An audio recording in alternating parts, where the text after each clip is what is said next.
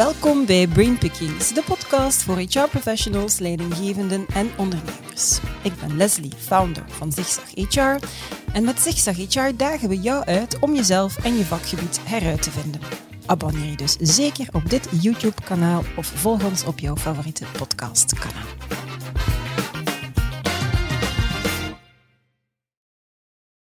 Zowat de hele wereld is op zoek naar manieren om te leven, te werken en te groeien met minder negatieve impact op onze planeet. En de SDG's, de duurzame ontwikkelingsdoelstellingen, die bieden een routebeschrijving en een houvast om dat te bereiken. Die SDG's zitten ook diep verankerd in het DNA van Bitonic. Dat is de dochteronderneming van Baloise. Als belangrijke speler op de Belgische verzekeringsmarkt zet Baloise in op een duurzame toekomst. En in een trendrapport Wellbeing and Sustainability, Fast Forward naar duurzame groei, zoomen ze uitgebreid in op vijf van die 17 doelstellingen. Ik kroop vrij recent al eens in het hoofd van Civilia Berto, General Manager Bitonic, over het belang van duurzaamheid en wellbeing. En deze keer schuift ook trendwatcher Herman Konings mee aan. De SDG's kleuren vandaag al onze toekomst. Welkom, goedemiddag. Goedemiddag. Goedemiddag. Welkom op de kantoorboot in het koude Gent. Het is een beetje koud vandaag. Ja, Ja. het is winter. Dat Het is winter. Het schijnt dat dat inderdaad het concept is. Maar ik heb dan... daar Ja, mag toch blij om zijn. Het gaat Goh. om SDG's. Dat Ja. we winter Ja. hebben zoals een winter maar absoluut, is. maar absoluut. Dat neemt niet weg dat mijn voorkeur naar de lente en naar de herfst uitgaat. Ik volg. Oké, voilà. Ehm, zeven jaar na de lancering van de 17 SDG's zijn die uitgegroeid eigenlijk tot een code die gedeeld wordt door alle bedrijven en organisaties die duurzaam willen ondernemen. Maatschappelijke uitdagingen zijn enorm, maar eigenlijk moeten de businesskansen zeker niet onderdoen. Hè?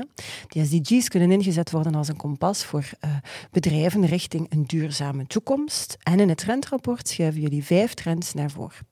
Ik zou natuurlijk heel graag op die vijf trends willen inzoomen, maar vooraleer dat we dat doen, Civilia, misschien eerst nog even, ben recent in jouw hoofd gekropen. Duurzaamheid is een must vandaag. Jij koppelt dat aan welzijn. Toch nog even benadrukken, waarom?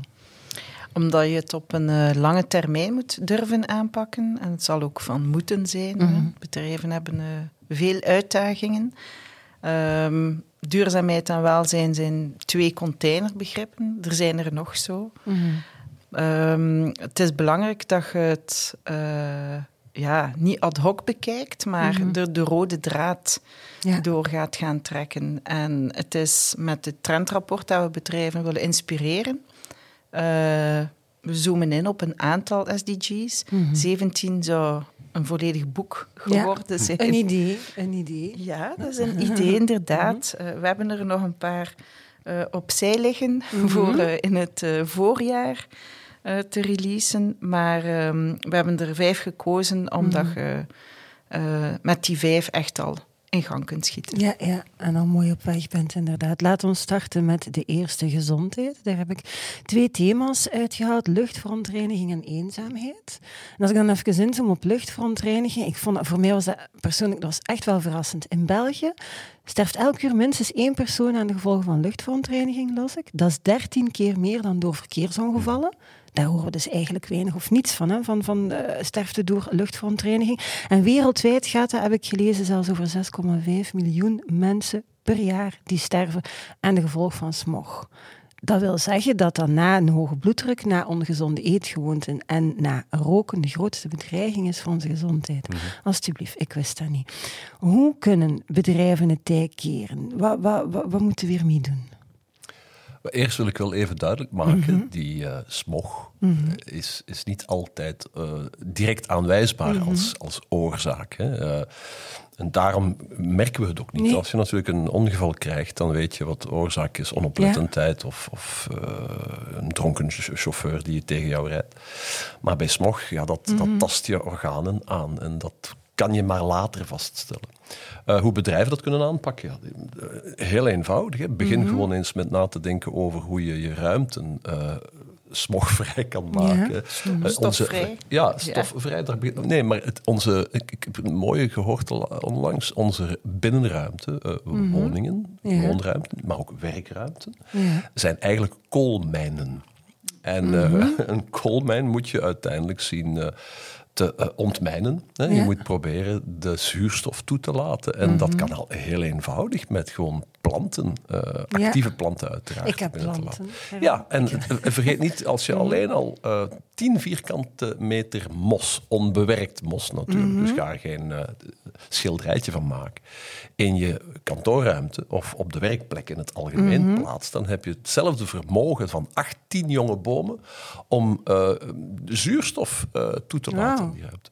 Dus dat zijn, dat zijn eenvoudige uh, redeneringen. Nu heb je mm -hmm. vaak natuurlijk wel techniek of technologie nodig ja. om te meten hoe het gesteld is met mm -hmm. de, zuurstof, de zuurstofcapaciteit van een ruimte of de CO2 in een ruimte. Ja. En dankzij, tussen aanhalingstekens, dankzij corona, corona hebben we natuurlijk wel die CO2-meters om ons duidelijk te maken dat het anders kan of moet. Ja, maar ook we, zorg ervoor dat mensen eens naar buiten ja. gaan. Ja. Uh, er wordt gezegd van je moet regelmatig eens opstaan, want dat is goed voor je gezondheid. Maar de meesten, blijkt uit onderzoeken, driekwart van de kantoorwerkers, mm -hmm. het gaat over kantoorwerkers, in Europa en ook in België, die, blijft, die blijkt minder dan een uur per werkdag maar naar buiten te gaan. Wetende dat een gevangene vaker buiten is. Omdat de, de Verenigde Naties de, gezegd heeft, gevangenen moeten minstens één uur per dag luchten tijdens de kantooruren ja, overdag. Ja. ja, dan zijn de meesten onder ons eigenlijk gevangen van die, gevangenen van die koolmijnen. Ja. En dat is niet de bedoeling. Amai. Dus Wat moeten we doen? Buiten wandelen, vergaderen, mm -hmm. minder zitten achter de bureau. Mm -hmm. uh, ook ja, arbeiders zitten ook te vaak binnen. Die zouden een, een, aangename buitenruimte moeten kunnen krijgen. Het is zeer belangrijk en dat geeft u ook veel meer energie. Je hebt dan nog eens hè, vitamine D, ook Mhm. dat zou een impact Zeer. kunnen hebben. Het heeft allee, zoveel positieve voordelen, dus ik denk dat elk bedrijf toch een buitenspeelruimte of buitenwerkruimte zou moeten kunnen creëren. Ja, ja. Aan de universiteit heb je tegenwoordig, ik, ik weet dat omdat ik les geef aan het sportkot onder meer in uh, gast, gastcolleges uh, in Leuven, daar hebben ze een sta-secretaris. Die sta-secretaris zegt om de 45 minuten, ongeacht wat een prof aan het vertellen is, iedereen opstaan. en dan staat iedereen op om eventjes de benen te schudden. Wat Ja. heel goed is en heel gezond Ja, is, uiteraard, om dan terug te gaan zitten. Ja, dus nu hebben ze nog een buitensecretaris nodig eigenlijk. Ja, dat is. Ja, dat zou de volgende stap Maar zeker met thuiswerken ook. Hè. Er Zeer veel eh, bediendes zitten Mhm. meer dan acht uur en doen minder dan 3000 stappen per dag. Dat Ja. is gewoon niet meer oké. Ja. Ehm, veel mensen hebben eh, ook kilo's gespaard Ja. tijdens de pandemie. Geraken ze minder makkelijk raken kwijt. ze minder makkelijk kwijt. Ik spreek uit ervaring. Dus, Ik heb eh, daar ook gezien. voilà. Er Ja, blijkt ja. eh, uit onderzoek dat als je eh, een, een vergadering hebt en je doet dat al wandelend, gaat die vergadering sneller Ja, vooruit. En ben je gezonder bezig omdat je aan het Mhm. bewegen bent. Dus als je het puur economisch bekijkt als bedrijf, kan je beter inderdaad een soort van walking Ja. vergaderen, Ja. vergaderen meetings hebben. Ja, ja, absoluut. Zeker voorstander. En als je thuis bent, inderdaad ook ja, het initiatief nemen om gewoon even naar buiten. Of een hond kan ik ook warm aanbevelen. We hebben een heel enthousiaste labrador. Hond helpt ook om te Ja. bewegen. Maar het is ook soms een kopzorg van... We hebben een hond genomen in de pandemie. Nu zit hij alleen thuis. Dus ah ja, nee, dat, zorgt, ik, eh, ja. je ziet daar toch ook wel heel Ja. veel bedrijven met eh, organisaties samenwerken van hoe kunnen we het huisdier mee betrekken op de werkplek. Dat zorgt ook voor ja. een andere dynamiek. Ja, ja. Dus ehm, ik denk dat er veel nieuwe zaken op ons afkomen. Ja, ja dat, eh, dat lijkt mij ook. Al de honden mee naar het werk, dat gaat ook wel vuurwerk geven.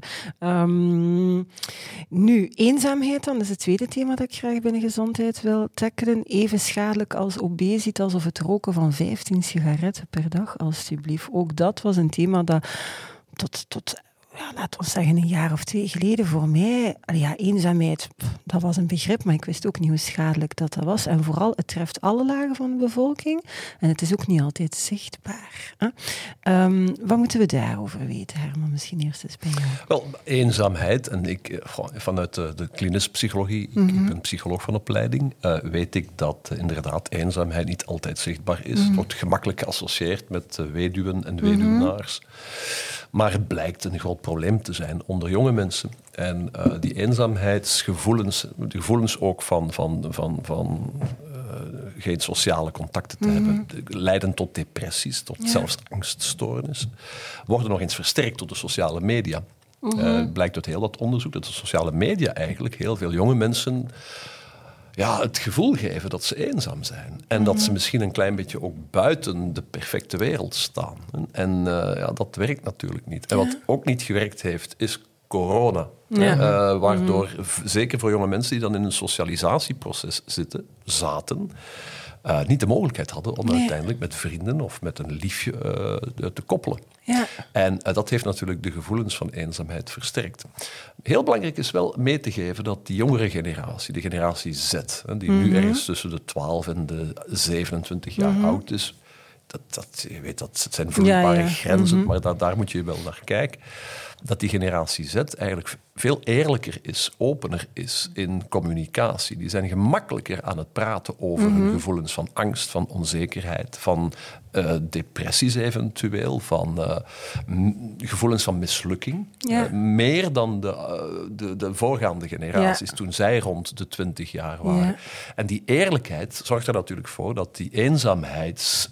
Ja, Um, pandemie zou ik het niet noemen, mm -hmm. maar epidemie, uh, ja. dat die wel uiteindelijk uh, meer op, op, op de kaart is gezet ja. bij jonge mensen. Ja. Daar waar die effectief ook wel bestaat bij oudere generaties, maar die daar niet gemakkelijk over praten, omdat het een uiting van mislukking zou zijn. Jonge mensen zijn veel opener over hun gevoelens Wat en zijn is, ook gemakkelijker inderdaad aan het toegeven dat ze wel eens gevoelens van eenzaamheid hebben. Mm -hmm. Oké.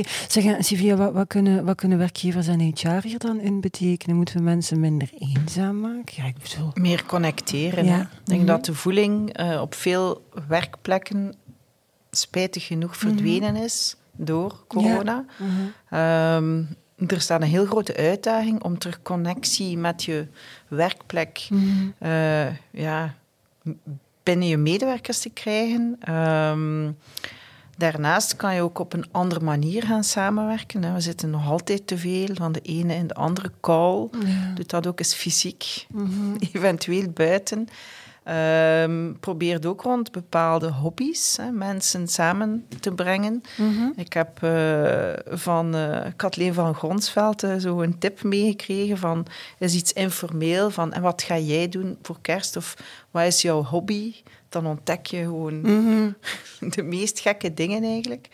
En dat zorgt dan weer voor connectie. Ja. Het is altijd goed ook om eens van niet over het werk te praten. Mm -hmm. um, met de pandemie was thuiswerk en ja, privé en werk werd gemengd.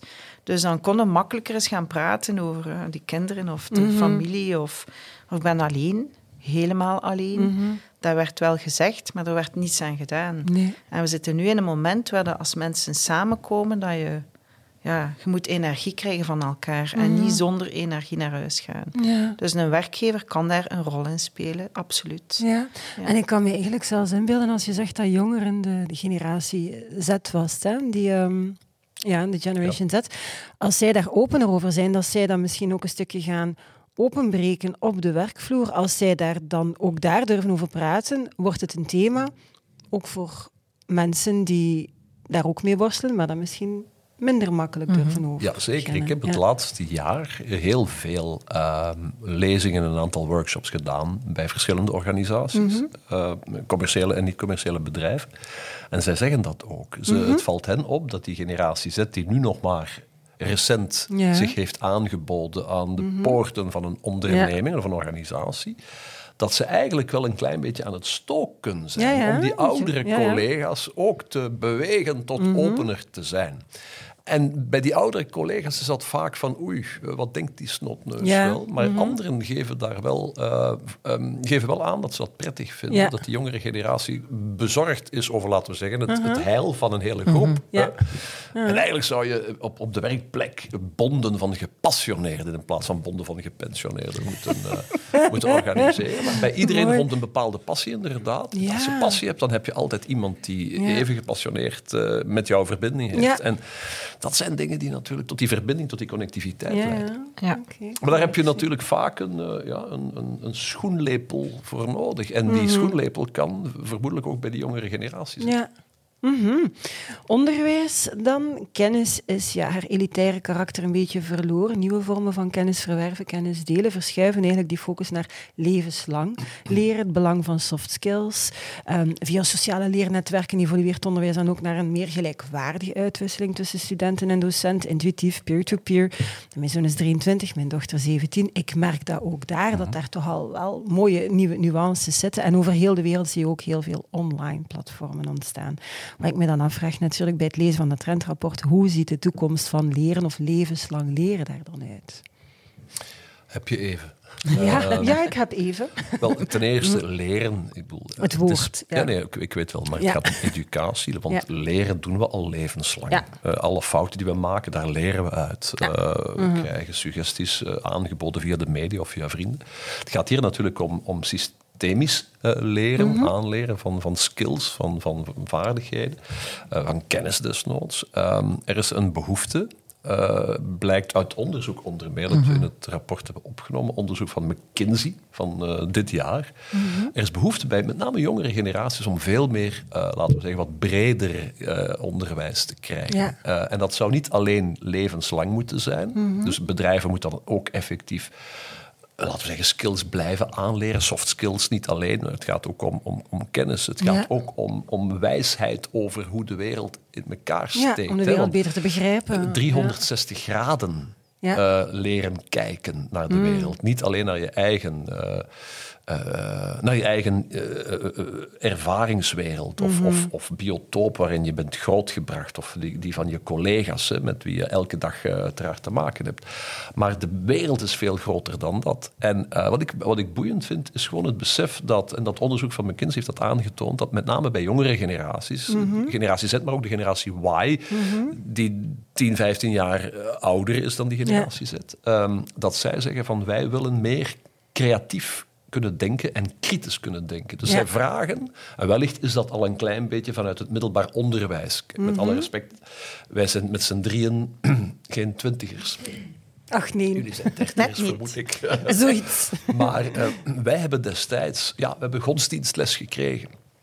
Maar vandaag krijg je misschien ook wel godsdienstles, maar veel ja, meer maar de inhoud is veel Ja, maar maatschappijleer. Ja. Er werd bij mij nooit, uh, spreek van 30, 35 jaar geleden, 40 jaar geleden zelfs, er werd niet in het middelbaar onderwijs gesproken over uh, klimaatproblemen nee. of over diversiteit en mm. dergelijke. En nogthans bestonden de problemen toen ook al wel. Vandaag hebben de middelbare scholieren daar wel al kennis mm -hmm. van. En je ziet dat ze dat meenemen naar hun hogere opleidingen. Vergeet mm -hmm. niet, 60% van de 18, 19-jarige meisjes, 50% van de jongens in Vlaanderen gaat naar de hogeschool of universiteit. Mm -hmm. En wil ook, en krijgt gelukkig ook meer en meer multidisciplinaire opleidingen. Ja. En het is dat multidisciplinaire denken dat ook die verbreding van hun, ja. van hun blik heeft veroorzaakt. En in een onderneming, in een, een organisatie, zou je eigenlijk voortdurend ook die 360 graden mm. scoop moeten, moeten openhouden. Ja. En, en, dat is gewoon kijken eens naar wat er gaande is bij ouderen, jongeren, bij mensen van hier, bij mensen van Ginderen, bij mensen met geld, met mensen zonder geld, bij mensen met een met, met beperking, met mensen zonder beperkingen, met, met kwaliteit.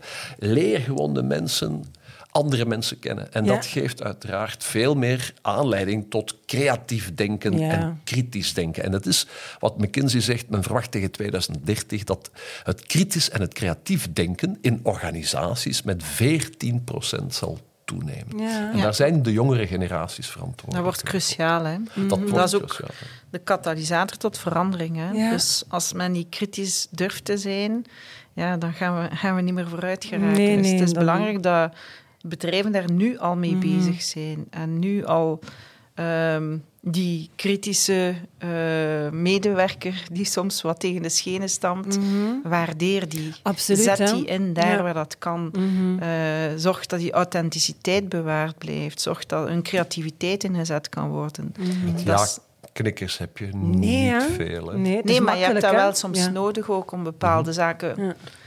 Die minder eh, complex zijn vooruit te Mhm. helpen. Maar het is vandaag zo cruciaal, zeker in het kader van innovatie, van die een shift te maken. Hè? Want te Mhm. durven openstaan als bedrijf van we moeten het anders aanpakken. Mhm. We hebben het wel kunnen doen tijdens de pandemie. Ja, Waarom kunnen we het dan Nu. Ja, dat niet. excuus inderdaad kunnen bedrijven niet meer eh, gebruiken. Maar heb je dan, heb je dan ook de indruk dat, dat bedrijven daarop dat ze inzetten op levenslang leren, dat zal wel opleiding en ontwikkeling en, en dat, dat iedereen heeft een leercultuur Mhm. als je organisaties bevraagt. Maar denk je dat ze nu al op de juiste knoppen aan het duwen zijn daarvoor? Of zit daar nog wat Oh, groeipotentieel? daar zit zeker nog veel groe- Mhm. groeipotentieel. Wat wij merken met, met ons e-learning platform is dat er bepaalde mensen eh, dan vanuit hun hobby of hun eigen interesse bepaalde topics naar voren brengen Mhm.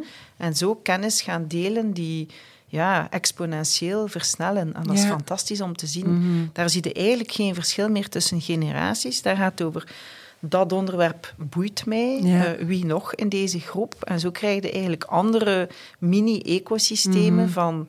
Ja, één, je, verbindt mensen, maar je deelt ook kennis, ongeacht je leeftijd. Ja. En dat is denk ik waar dat bedrijven meer op gaan moeten inzetten. Mhm. En eh, in het kader van lifelong learning ook afstappen van wat is er verplicht qua vaktechnische kennis, maar ga naar andere inhoudelijke zaken kijken. Durf dat anders aan te pakken. Wat zijn de uitdagingen van jouw bedrijf? Eh, het meest gekende zijn de hackathons. Hè. Mhm. Maar je kunt daar rond gelijk welk probleem gaan toepassen. Durf dat eens te doen. Eh, Ik denk dat je gaat altijd minimum vijf mensen vinden die eh, zeggen Ja. ik doe mee. Dus Oké. dat is een opportuniteit. Mooi. Wat ik in het eh, trendrapport ook had gezien is paradoctrine. Ik heb dat gegoogeld, ik heb dat niet teruggevonden. In Ah, ieder nee. geval. Dus, hè, maar ik vond, dat, ik vond dat een fenomenaal begrip. De paradoxale leer van het afleren van alles wat je tot nu toe hebt geleerd. Ontlearning kun je dat, of, of ontleren kun je dat ook noemen. Overtreed de regels om verandering teweeg te brengen. Wees intellectueel ongehoorzaam. Fantastisch, vind ik. Daar moeten mensen sowieso meer doen. Ja, denk ik dan. Maar oh, is niet gemakkelijk, lastig. Ah, ja. Ja, kijk, eh, als je een, eh, een mooie edelsteen wilt hebben, zal je toch die ruwe diamant moeten slijpen. En, Mhm. Ja. en ehm, nu, het intellectueel ge- eh, ongehoorzaam zijn wil niet Mhm. zeggen dat je juridisch of, of, of maatschappelijk ongehoorzaam moet zijn. Mhm. Maar wil gewoon zeggen dat je inderdaad eh, de vanzelfsprekendheid, Ja. het gewoonterecht opzij moet schuiven. En, eh, want daar, daardoor verzand je en kom je in een moeras terecht. Mhm. En, en het is wat ook Sibylle juist gezegd heeft. Je moet regelmatig jezelf kritisch en als je enigszins kan ook je team kritisch en misschien zelfs je baas kritisch eh, durven benaderen. Zo. Dat laatste is natuurlijk eventjes spannend. maar we zien, we zien ook bij... eh, ik, ik denk dat het is een hypothese, maar ik denk dat de, de huidige nieuwe leidinggevenden, het zijn trouwens de babyboomers zijn er bijna allemaal uit binnen dit en vijf jaar. En je ziet opvallend veel generatie Y, de millennials, die op ik, alleen al in de politiek had ik mij verbaasd dat van de zes regeringspartijen er vier zijn met oudere twintigers en jonge dertigers aan het hoofd. Dat, is, dat, is, dat is onwaarschijnlijk, maar het zegt heel veel over die generatie die toch wat meer open staat voor eh, connectiviteit dan bij de meer hiërarchisch georga- Ja. georganiseerde of georiënteerde babyboomers. Hè. Dus op dat vlak denk ik dat er veel meer eh, m- toegelaten zou worden. En dat, die, Ja. dat als we inderdaad kritisch denken en creatief denken er ehm, ehm, meer en meer mogen verwachten, dan ga je natuurlijk dat intellectuele ongehoorzame ook eh, vaker op zien, eh, op zien doemen. En het, het lijkt me een hele goede zaak om, eh, om, om... Wat ik interessant vind is, we hadden het juist over de generaties, en ga je dan als jongere inderdaad die ouderen tegenspreken of, of aanporren om iets anders te doen?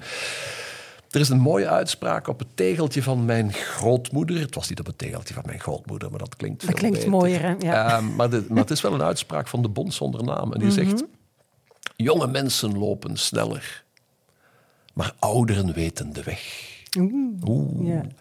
En, dat, dat- en, en iedereen zwijmelt dan weg. Ja. Mhm. Van, wat een mooie uitspraak. En het klopt ook. Hè. Jongere mensen ja, die, die lopen sneller. En, Mhm. en oudere mensen hebben meer bagage, dus kunnen inderdaad meer eh, educeren. Maar het is een flauwe en een totaal nietszeggende uitspraak. Wat wij vandaag zien is dat die oudere mensen ook graag de weg willen gelezen of geleerd hebben van jonge mensen. We zien steeds vaker dat vijftigers en veertigers zeggen van ik heb iets geleerd van mijn kinderen Ja, ja. bijvoorbeeld. Die, Ja. die hebben de wereld afgereisd, die zitten op sociale media, die hebben technologie in hun handen. Ik leer daarvan. En omgekeerd als je naar de twintigers kijkt, kijkt vandaag, die hebben niet altijd het negatieve beeld van hun ouders. Die gaan er zelfs samen mee op vakantie. Die gaan er samen mee naar Rockwerchter. En dat zijn fellow travelers geworden. Ja, ja, ja, en het is eigenlijk dat moet je bekijken. In principe heb je veel meer connectiviteit tussen de generaties. Generaties, Wij hebben dat vroeger was er meer generacisme, generatieracisme, dan vandaag het geval is. Er is veel meer openheid om naar elkaar te luisteren. Niet overal, maar we zijn in de goede richting. Ja, die beweging is in, ieder geval, Ja. eh, is in ieder geval ingezet. Heb je daar ook zo'n goede hoop op dan, als, als je dat verhaal hoort, dat het, dat het wel goed komt op de werkvloer? Eh, Goed komt, eh, is misschien een makkelijk gezegd en kort door de bocht. komen? Nee. Eh, Ik denk vooral dat leidinggevende ehm, ja, echt op, op het cruciaalste punt staan. Zeker nu. En die krijgen druk van hun team, krijgen druk, druk van daarboven. Dan zijn er nog nieuwe regelgeving waaraan dat ze zich moeten houden. Eh, hoe beter zij omkaderd gaan worden, hoe beter de impact zal zijn. Eh, je ziet dat jongere mensen vaak geleerd willen worden hoe, hè, hoe moet ik die of die job gaan doen. Ehm, ze zetten sneller de stap wel naar collega's die meer anciëniteit hebben. Ik heb het dan niet over leeftijd, maar de werkervaring. En mensen die al heel lang in dezelfde job zitten, die eh, zijn niet meer beschermend, die durven wel hun kennis Ja. te delen. Ik denk dat dat dankzij de pandemie ook naar buiten is gekomen. Ook die tools. Hè. We moesten dan met Teams leren werken of eh, Zoom of noem maar op. Zelf vandaag is dat nog altijd... eh, wie kan er mij daar nu mee helpen? Dat is niet meer de jongste of de oudste. Het is, het is door elkaar gegaan. Ja, ja. Ehm, maar het is vooral het juist gaan omkaderen. Hè. Dat is eh, voor mij de allerbelangrijkste opdracht dat bedrijven hebben in de komende jaren. ja. Eh, en ze een beetje tools gaan meegeven van hoe ga je om met verschillende generaties. Wat ligt er wat makkelijker bij de ene dan bij de andere. Ehm, en bespreekbaar gaan maken. Ja. Mhm, Oké.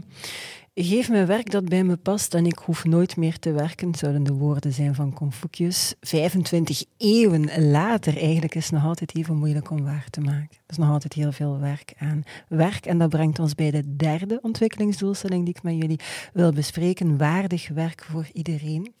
Volgens Edelman Trust Barometer 2022 heb ik gelezen in het trendrapport verwacht 86% van de burgers in 28 landen dat CEO's van commerciële bedrijven zich uitspreken over en een standpunt innemen als het gaat over klimaat, maar eigenlijk elke grote maatschappelijke uitdaging.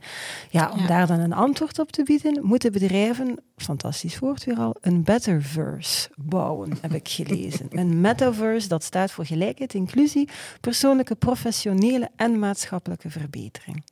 Vooraleer dat we naar de Betterverse gaan, er zijn nog altijd HR-professionals die niet weten, of die niet goed... Ze kennen het begrip wel, maar ze weten nog niet goed wat het eigenlijk inhoudt. De Metaverse eerst en dan de Betterverse. Ja, de metaverse. Nu, wat, wat je zegt, dat is niet een, een, imperatief dat je moet een betterverse, waar we zo over gaan praten, eh, moet installeren. Er zijn alternatieven.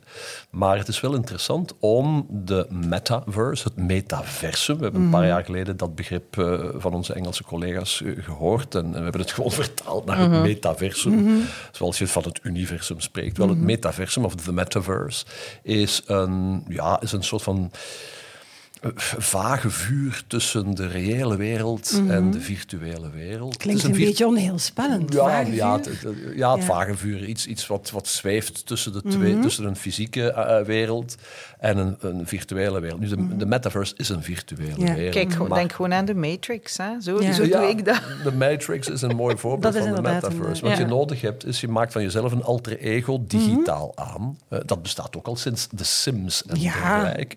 Maar dat was allemaal op een schermpje te bekijken. Ja. Weet je, wat je nu doet, is men gebruikt dat idee van gaming-platformen, Mhm. waarin je je eigen alter egos, digitale alter egos, je avatars. Ja. En avatars is voor elke generatie. Denk aan ABBA, dat zijn mensen tegen de 80 die Ja, hebben die hebben ook een- avatars. maar de avatars eh, hier, eh, die kan je zien eh, zich bewegen in een virtuele wereld. Via enkel een VR of een AR, virtual reality of augmented reality bril. Dat is een Ja. gesloten bril. En het enige wat je ziet is een scherm. De rest zie je niets. Alleen maar een andere wereld, een parallele Ja. wereld. En dat is het metaversum of the metaverse. En Mhm. eh, het heeft wat aandacht gekregen door eh, Mark Zuckerberg, Ja. die ook Ja. nota bene gedacht heeft, ik ga een marketingstunt uithangen, uithalen liever. Mhm. Ik ga Facebook, de naam Facebook, vervangen door Meta. Hè, ja, verwijzend naar Metaverse, want dat Ja. Mhm. is de next big thing. Hij heeft zich een beetje vergalopeerd, want ofwel is hij er te vroeg bij. En je Ik denk dat timing inderdaad wel een... eh, als je als fanfareleider iets te ver voorop loopt op de fanfare, dan hoor je niet meer bij de Nee. muziek. Dus dat is waarschijnlijk het geval. Maar het idee is wel interessant. En natuurlijk voor gaming is dat fantastisch. En voor jonge mensen, of voor ouderen, om inderdaad met je alter ego, eh, driedimensionaal, virtueel iets te kunnen betekenen met anderen uit de rest van de wereld, die je kan ontmoeten. Maar je zit Ja. altijd, nog altijd vast in een gesloten systeem van een VR of een AR-bril. Dit gezegd zijnde, dat is al een probleem. Ik ben van opleiding neurofysiopsycholoog. Dat, dat, ik heb die keuze gemaakt destijds omdat ik gewoon dacht van ja, ik ga de langste titel nemen in de psychologie. Daar ga ik de meeste indruk mee maken. Maar nee, alle gekheid op een stokje. Ehm, eh, eh, puur neuropsychologisch of neurofysiopsychologisch is dit een absoluut vergiftigd geschenk. Omdat de hersenen na Ja. een uur zeker niet meer eh, goed beseffen van wat is dit eigenlijk. Want de mens in kwestie die ik bestuur als hersenen, die, ja, die, die zit in een soort van droomwereld. Ik zie geen enkele realiteit meer rondom mij.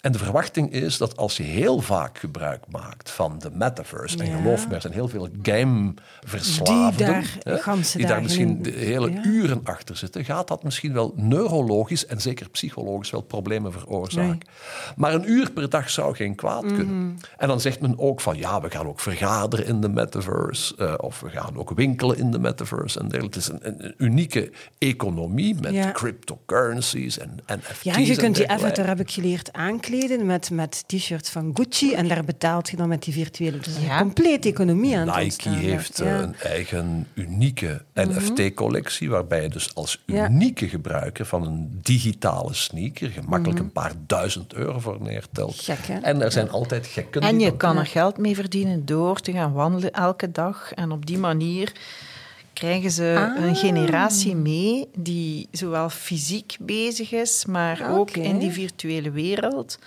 Ehm, voor mij zit het gevaar erin, is dat men te lang in een niet bewegende Mm. situatie gaat zitten. En eh, ik denk dat super interessant is op vlak van leren. Hè, dus denk dat bedrijven, allee, ik ben ervan overtuigd dat bedrijven dat binnen vijf jaar, eh, hopelijk als er wat aangenamere brillen zijn, Mhm. dat kunnen gaan implementeren, omdat je dan van gelijk waar welke locatie met elkaar in contact kunt gaan, Ja, kennis de kunt delen. Voilà, hè, ik dus dit is het ja. bedrijf, zo ziet het eruit, dat gebeurt er, dat bestaat er, dat zijn al uw well-being-initiatieven Mhm. bijvoorbeeld, of al uw leerinitiatieven, of als je een probleem hebt of kennis, of voor, voor dat Mhm. soort zaken, ja, is dat een versnellend effect. Ja. Je kan heel sterk simuleren. Hè? Ja. Ja. Eh, je kan bijvoorbeeld voor eh mechaniciens in opleiding, Mhm. die kunnen dan zien hoe ze op de juiste manier een bepaald probleem met de juiste middelen, met de Mhm. juiste eh, instrumenten gaan benaderen. Want dat is virtueel, wordt dat allemaal geprojecteerd. Ja. Dus dat is fantastisch om dat vanuit je luie zetel tussen aanhalingstekens ook te kunnen, in plaats van hele dure leslokalen Ja. te Ja, gaan ja. Maar ook op vlak van preventie hè, ga je dat kunnen doen van bepaalde houdingen. eh, Hoe dat je beter staat, eh, een voet op een kistje bijvoorbeeld, Ja, ja. zodat je bekken kantelt. Maar dat is het snappen door het virtueel te gaan zien, Ja. in plaats van het op een saai brochuurtje mee te krijgen of in een les waar dat er twintig man op zijn telefoon zit te kijken. Ik denk dat je betrokkenheid veel hoger gaat zijn, maar het zal een keuze zijn van als werkgever kort en krachtig te doen Ja. en, en via nudging te gaan werken. Ja. Ja. En, en die, een, een mooi voorbeeld van het middelbaar of het lager onderwijs. Mhm. eh, kinderen die niet geïnteresseerd zijn in biologie of in Mhm. scheikunde of natuurkunde, die kunnen nu door een een, een, ja, een, een, orgaan van het lichaam. Of, of die kunnen in een product kruipen waarbij ze de moleculen kunnen zien. Mm. En dan kan je veel speelser uiteraard wel de interesse opwekken. Of je kan reizen naar de, de ringen van Saturnus bijvoorbeeld. Hè. En, en dan ga je veel meer inderdaad die passie kunnen ontvlammen. Of laten ontvlammen. Door gebruik te maken van die... Ja, het is eigenlijk een verhalend... Het heeft een verhalend karakter. Mm. Maar nogmaals, uh, dosering is zeer belangrijk. Omwille en, van de anders niet vaste... Eh, onder meer daarvan. Hè. Niet alleen, nogmaals, niet alleen neurologisch, maar ook mhm. psychologisch, gaat het problemen kunnen veroorzaken. En als we dan linken naar die Betterverse, wat moet ik me daar dan weer voorstellen? Wel, dan moet je uitgaan van toch de mogelijkheden die de metaverse uh, biedt. En kijken hoe die mogelijkheden van dat metaversum kunnen mhm. ingezet worden om bijvoorbeeld die 17 SDG's te gaan, uh, te gaan laten we zeggen, adopteren of zich mhm. aan te passen of er zich bewust van te maken. En ik, ik heb een aantal voorbeelden. Ik heb een aantal voorbeelden al besproken met een aantal uh, mensen uit de psychiatrie bijvoorbeeld. Mhm. Ik heb een heel mooi voorbeeld uh, gevonden waarbij um, mensen, en we weten dat mensen die wat introvert zijn, mm of die wat angstig zijn, en die uh, niet durven naar een mental coach, een psycholoog of een psychiater te stappen, ja, die kunnen dan gebruik maken van het metaverse, het metaversum, om met behulp van een avatar. Die mhm. avatar dat is, die heeft geen naam en die heeft niet dezelfde fysieke eigenschappen als mhm. jou. Daar, daar, kan je, daar kan je een, een dier van maken, bij wijze van spreken. Of een, en dat is dan veiliger. Ja, dan ga je, dan ga je inderdaad, eh, je kan dat, en dan ga je afspreken in, en die bestaan. Je hebt hotelketens die ook een vertegenwoordiging hebben, een lounge hebben in de metaverse. Dan kan je afspreken met psychiaters en psychologen die hun avatar afvaardigen naar bijvoorbeeld eh, de lounge van uh, Citizen M mhm. of Holiday Inn. En dan zie je daar de avatar van een, van een hulpverlener met wie je een uur een gesprek hebt. En op het einde van dat uur, dan betaal je gewoon, dan schrijf je gewoon 50 euro over. Maar dan ben je veiliger, want je zit achter een masker. Ja. En na dat uur zegt die psycholoog of die psychiater, het was een goed gesprek, eh, we hebben goed met elkaar kunnen spreken, we komen volgende week, same time, same place, mhm. terug, als avatar. En een tweede keer gebeurt dat weer. Ja. En wellicht ook een derde keer. Maar op het einde van die derde keer gaat die psycholoog of die psychiater zeggen: wordt het niet eens tijd dat we elkaar ook in het fysieke, in de realiteit gaan mhm. ontmoeten. En geloof me vrij, dan zal er een soort vertrouwensband zijn. en het effect zal merkbaar zijn van een goed gesprek te voeren. Want je spreekt zoals wij met elkaar spreken. Je hoort ook jouw reële stem. En, en je krijgt ook reële instructies of suggesties of, mhm. of troost of wat dan ook van de hulpverlener. En dan ga je inderdaad veel gemakkelijker die drempel naar beneden halen om uh, naar de hulpverlening te stappen. Dat is een voorbeeld van the betterverse. Hè, om uiteindelijk het uh, mentale welzijn van mensen te verbeteren. Te verbeteren. Je ziet ook meer en meer online coachingplatforms die ontstaan. Mhm. Uh, iedereen experimenteert daar ook mee, hè, want het gaat toch over een digitaal netwerk waar ja. je praat en je ziel, ja, naar je hart openlegt, loopbaanbegeleiding. Je kan dat alle kanten uit gaan trekken. Mm. En ik denk dat daar een hele grote toekomst in ligt. Wij zijn aan het uh, experimenteren daarmee. Dus een piloot met een coachingplatform. We zien ook dat mensen heel veel verschillende onderwerpen hebben. Mhm. Dat alles elkaar aan het doorkruisen is van privé, geld, uh, werk, mm. leiderschap, skills, uh, mentaal, fysiek, voeding, slaap, mm deconnecteren. Um, dus het is zeer boeiend om te zien dat dankzij zo'n systeem is dat mensen toch durven. Dus het, is, het haalt een beetje de, de rem weg. Ja, ja. En ik denk dat dat heel belangrijk is. Van, je hebt hè, ook uh, veel introverte mensen die die stap niet durven zetten. Mm Door zoiets te gaan creëren, open je al de deur. Hè. Die barrière is minder complex. Mhm. En dat is uh, zeker iets wat dat bedrijven zouden moeten meenemen. Want fysiek stappen naar iemand, een preventieadviseur of een, een bedrijfsarts of een psycholoog, dat is, dat is al veel te complex. Dat is mm. u al kenbaar maken. En ja. dat is echt te zwaar, denk ik, voor veel Mhm. mensen. En er komt toch veel op ons af, hè, in het kader van nieuwe wetgeving. Ja, We ja, hadden ja. het daar net even over. Dus, Absoluut, ja. ja. en wat ik dan ook denk, als er steeds meer... Want de, de jongere werknemers stijgen in, in, in aantal, als je het puur naar percentage bekijkt. Ze worden met een steeds grotere groep. Maar als ik dan eh, weer... Ik kijk dan naar mijn eigen zoon, 23 jaar, gamen. eh, die is daarmee vertrouwd met die context. Dan kan ik mij zelfs inbeelden dat het als bedrijf zelfs verstandig is om op die manier in hun bekende leefwereld een aantal initiatieven aan te bieden. En zo zijt je ook weer Serious gamification Ja. wordt Ja. dat genoemd. Hè? Je Ja. kan dus de speltechnieken of elementen uit, uit het digitale spelen kan je gebruiken Mhm. om uiteindelijk ernstige problemen of, of ongemakken mee, Ja, eh, ja. mee te laten verhelpen. Ja, oké. Volgende thema is innovatie. Daar weer zo'n fantastisch. Ik heb ongelooflijk veel bijgeleerd uit dat trendrapport. Ze moeten zeker de link toevoegen aan, eh, aan de podcast. Hè. Ik ontdekte daar bijvoorbeeld ook de term jugaat. En dat is, ik weet zelfs niet of ik het juist uitspreek. Jugaat. Jugaat, voilà.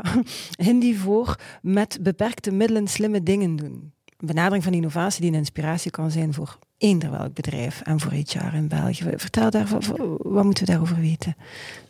Ja, wel, kijk, alles begint natuurlijk met innovatie, Mhm. maar innovatie wordt iets te gemakkelijk geassocieerd met technologie. Of met zware investeringen, met research en development, waar Mhm. uren, wat zeg ik, uren, waar jaren op gewerkt wordt om uiteindelijk een stap vooruit te zetten. En vaak is dat ook wel nodig Mhm. uiteindelijk, zeker in de medische wetenschap bijvoorbeeld. Eh, maar eh, soms kan je ehm, eenvoudige ehm, eh, oplossingen vinden door niet eh, al te dure technologie aan te wenden, maar door creatief te zijn. En eh, India is, dat is zo typisch voor India, eh, heeft met Yugaat innovatie daar ook wel ja, een, een benchmark geplaatst. En, en heel wat organisaties, commerciële organisaties, beginnen na te denken over hoe gaan we op een goedkopere manier voor meer mensen eh, betere producten of op zijn minst gelijkwaardige producten Ja. kunnen maken. En, en het begint vaak ook vanuit een must. Hè. Namelijk, in, eh, ik geef het voorbeeld wat we ook eh, hebben aangehaald in het, in het rapport. Het, voor, het voorbeeld van, eh, van eh, eh, Olafur, Olafur eh, Eliasson, eh, de IJslandse kunstenaar, befaamd pu- kunstenaar. Het feit dat ik hem even niet meer uit het voorhoofd kon plukken, heeft gewoon met mijn leeftijd te maken. Eh, Olafur Eliasson ehm, heeft eh, een aantal paar jaar geleden eh, gewoon vanuit het besef van er zijn. We spraken in het begin toch van de podcast over luchtverontreiniging. Ja. Je moet weten dat 1,2 miljard mensen eh, geen elektriciteit heeft. En dus een groot aantal daarvan, naar schatting een 300 miljoen, eh, die maken het s'nachts, avonds, wanneer het donker wordt, eh, het zichzelf gemakkelijk door kerosinelampen dag in dag uit te gebruiken. Over levensverkorting, levensverwachting die neergaat Ja. gesproken, dat kan tellen. ja, dat is en dat heeft ook eh, Olafur Eliasson beseft. En hij heeft gedacht van het moet toch eenvoudiger kunnen. En hij heeft gewoon eenvoudige eh, zonnepaneeltjes, zonnecelletjes, op een plastic, gerecycleerd plastic dragertje geplaatst. En in, onder de drager een eenvoudig lampje. En dan krijg je st- stevig ehm, eh, niet beweeglijk licht in een plastic houdertje die aan productieprijs maar een paar euro kost Ja. of een paar dollar kost. En de Wereldbank heeft zich eh, achter zijn initiatief geschaard en wil inderdaad op een termijn van vijf à tien jaar zeker tientallen miljoenen, hopelijk ook honderd miljoenen mensen helpen het, de kerosinelamp weg te doen. En in ruil daarvoor die zonnecellampje, dat zonnecellampje daarvoor in de plaats te, te gebruiken. Want dat is een mooi voorbeeld van Yugaat-innovatie. En de impact is niet alleen op het gezondheidsvlak zichtbaar op termijn, maar je geeft ook de gelegenheid aan mensen, bijvoorbeeld in Centraal-Afrika, om s'avonds een boek te kunnen lezen. Of om huiswerk te kunnen maken, leren, Huiswerk, of ja. huiswerk te kunnen maken. Waardoor je inderdaad ook op het vlak van educatie veel grotere Ja, sprongen wai. maakt. En men noemt dat inderdaad frugal innovation. Yugaat innovatie. En er is een algemene term die door de industrie nu meer en meer wordt opgepikt. En die is M for L for M. Mhm. More for less for more. More quality maar kan ook more health zijn en meer kwaliteit, meer gezondheid bijvoorbeeld. Ja. For less money, for more people. Mooi. En nu eerlijk gezegd, je zegt van ja, dat is allemaal in India of in Pakistan of in Centraal-Afrika. Maar we zien dat eigenlijk sinds een twintigtal jaar ook in de vorm van apps. Je kan een app downloaden voor anderhalve Ja. euro of, of een euro. En je hebt een smartwatch die je bloeddruk en je hartslag in doog houdt. En zo kan je op de hoogte gebracht worden, zonder al te dure technieken of technologieën, van eh, je, je acute toestand van gezondheid of ongezondheid. En dat is een mooi voorbeeld van more for less for more. Meer kwaliteit, meer gezondheidssignalen for less money. Het kost eigenlijk niet zodanig veel, een En dollar, voor veel for meer more mensen. mensen, waar meer mensen uiteindelijk eh, op de hoogte gebracht worden van hun eigen gezondheid. Wauw.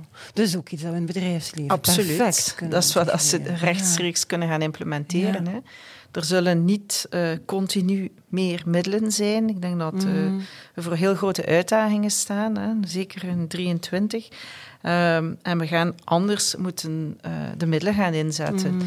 Dus gebruik al, ja, maak een inventaris van wat je allemaal doet. Optimaliseer ze, recycleer ze, eh, upcycle ze. Mhm. Dat is dus al een grote stap vooruit. En eh, ja, misschien zal de creativiteit van een aantal mensen eh, een enorme Ja. positieve impact kunnen creëren. Ja. Denk aan het begin van het gesprek. eh, de, de groene planten. Enfin, Ja. de planten. Liefst groen. de, de, de, de- het mos, algen. Algen is wat lastiger om tegen een muur te plakken.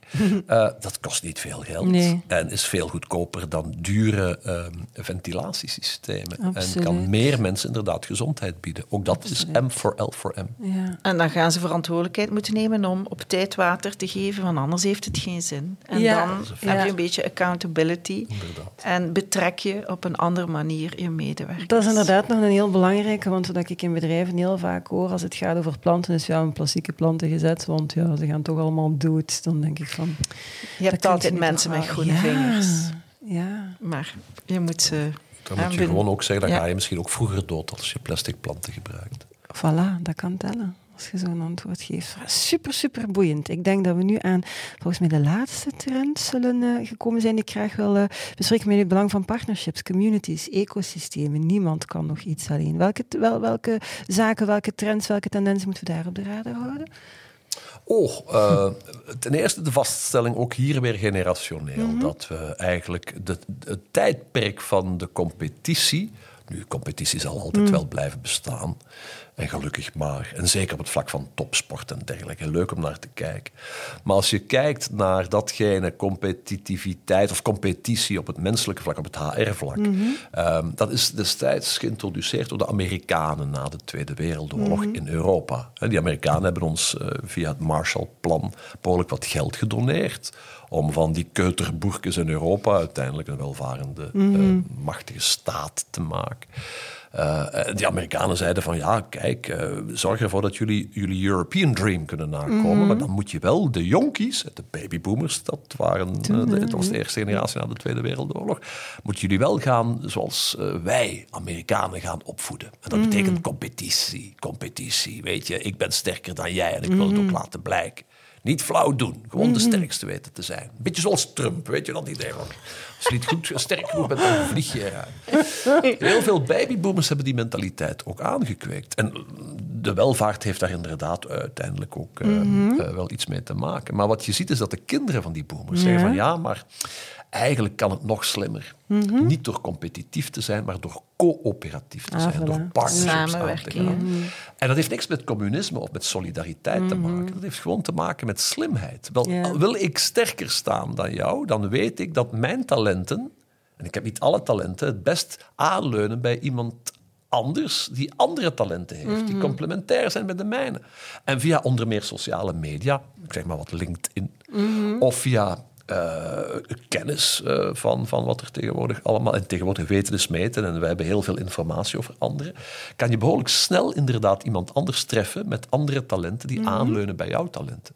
En dus het is niet meer van ik ga jou opzij schuiven. Nee, ik ga jou vragen om jouw talenten aan de mijne te koppelen, zodat we sneller de next level kunnen Ja. bereiken. En dat is ook vanuit de gaming. Hè. Multiplayer online Ja, gaming is ook zoiets voor de jongere generatie. Het werkt daar, dus zou het ook wel eens op de werkvloer kunnen werken. Dus niet communisme, niet solidariteit, maar gewoon slimmer zijn, sneller op een hoger niveau Mhm. terechtkomen. En dat kan door partnerships aan te Ja. gaan. Ik zie echt eh, dat de impact van eh, interne en externe ecosystemen, eh, hoe meer dat je die aan elkaar koppelt, hoe sneller en beter dat je vooruit geraakt. Eh, ook delen van best practices onderling, dat zorgt opnieuw van, ja, jij bespaart dan tijd om niet van nul aan te moeten leren en dat we op die manier allemaal veel efficiënter en ehm, sneller ook positieve impact kunnen gaan creëren. Die partnerships zijn een sleutel t- algemeen hè, tot een, betere, Ja. een beter bedrijf op de werkvloer, daarbuiten de impact en in zijn totaliteit voor de wereld. Dus ik denk dat daar ehm, veel meer aandacht aan besteed mag worden. Het is al voor veel bedrijven in het kader van MVO en dat ze een aantal sponsorships doen, maar betrekt dat, ga dieper. Ja. Eh, durf eh, bepaalde non-profit organisaties uit te nodigen op je werkvloer. In kader van inclusiviteit. hè. Paswerk is zo een die Ja. jongeren met autisme werkt. In de IT-sector, ja, dat is perfect. Hè. Die kunnen honderd keer sneller dan iemand anders een punt en een komma zien dat fout zit in een systeem. Ja. Ehm, en het is door zo partnerships aan te gaan, is dat één, dat er voor iedereen uiteindelijk wel een job kan zijn. En aan de andere kant is dat er kennis gedeeld wordt. Ja. Ehm, en hoe meer bedrijven daaraan ja, dat gaan koppelen aan elkaar, hoe beter het zal worden. Ja. Ik denk dat we ehm, verder moeten durven kijken dan gewoon ons eigen leefwereld. En zoals dat Herman zegt, dan, kijk naar dat idee eh, dat ze in India hebben, ge- hebben geïmplementeerd. Eh, je, je hebt zo genoeg initiatieven van Mhm. overal. En dat is dan dankzij eh, sociale media dat dat soort ideeën naar boven komen. Ja, ja, dat Dat zo met de ocean ja. cleanup, eh, dat is ook, Mm. ook zo'n concept. Ehm, en ook geen schrik hebben om te falen in samenwerkingen. Hè. Dat gebeurt ook. Eh, Mm. Ja. leer er gewoon uit. Hè. Ja, maar ik denk ook daar inderdaad dat de jongere generatie daar, daar voor wat een doorbraak kan zorgen. Want als ik kijk naar leeftijdsgenoten en mensen die dan ouder zijn dan mij, dan is het toch nog altijd heel gesloten. Hè? Van, eh, maar voorzichtig, niet te veel delen. En misschien zal het wel sneller gaan of beter gaan, iemand als maar ik ga toch maar lekker op mezelf blijven. Zeker in crisis, plooien op onszelf. Ik eerst. Ja. Maar Ja. je ziet dan toch ook... En, Je ziet de kentering toch. activisme bij jonge mensen is daar heel duidelijk eh, in. Ja. Dat er meer dan tien of twintig jaar geleden verandering mogelijk is. Mhm. Op het moment dat het veel moeilijker gaat met deze wereld Ja, uiteindelijk. ja. Want als je kijkt naar, eh, we hebben de COP 27 achter de rug. Er is nu die andere COP in Montreal bezig rond de biodiversiteit. En tien jaar geleden heeft men dan twaalf doelstellingen Mhm. vooropgesteld. En er is geen enkele van gerealiseerd na twaalf jaar. Dan zie je inderdaad dat er nog altijd iets gesloten is. Maar de, mijn vermoeden is dat er nog altijd de oude krokodillen Ja, die moeten er eh, gewoon dat uit dan. tegenhouden. Of, Ja. of dat, dat er te weinig lef en durf is. En, Ja. en falen, wat, wat je Ja. zegt, Sibylla. Falen kan geen kwaad. En als je dan naar de jongere mensen kijkt, die zeggen van kijk, we hoeven niet perfect te zijn. Nee, nee. Komt dat ook? Ik heb Bojan Slattes horen praten over de Ocean Cleanup. Praat ook over falen. Natuurlijk, als je daar faalt, kost het je ettelijke miljoenen. Ja. Is natuurlijk ook wel, maar ook daar zegt hij in de samenwerking met de stakeholders, investeerders, als je dat op voorhand weet wat dat de gevolgen zijn. Maar als zelfs op dat niveau falen kan, ja, ik bedoel, wat zitten wij dan in bedrijven soms? Ai.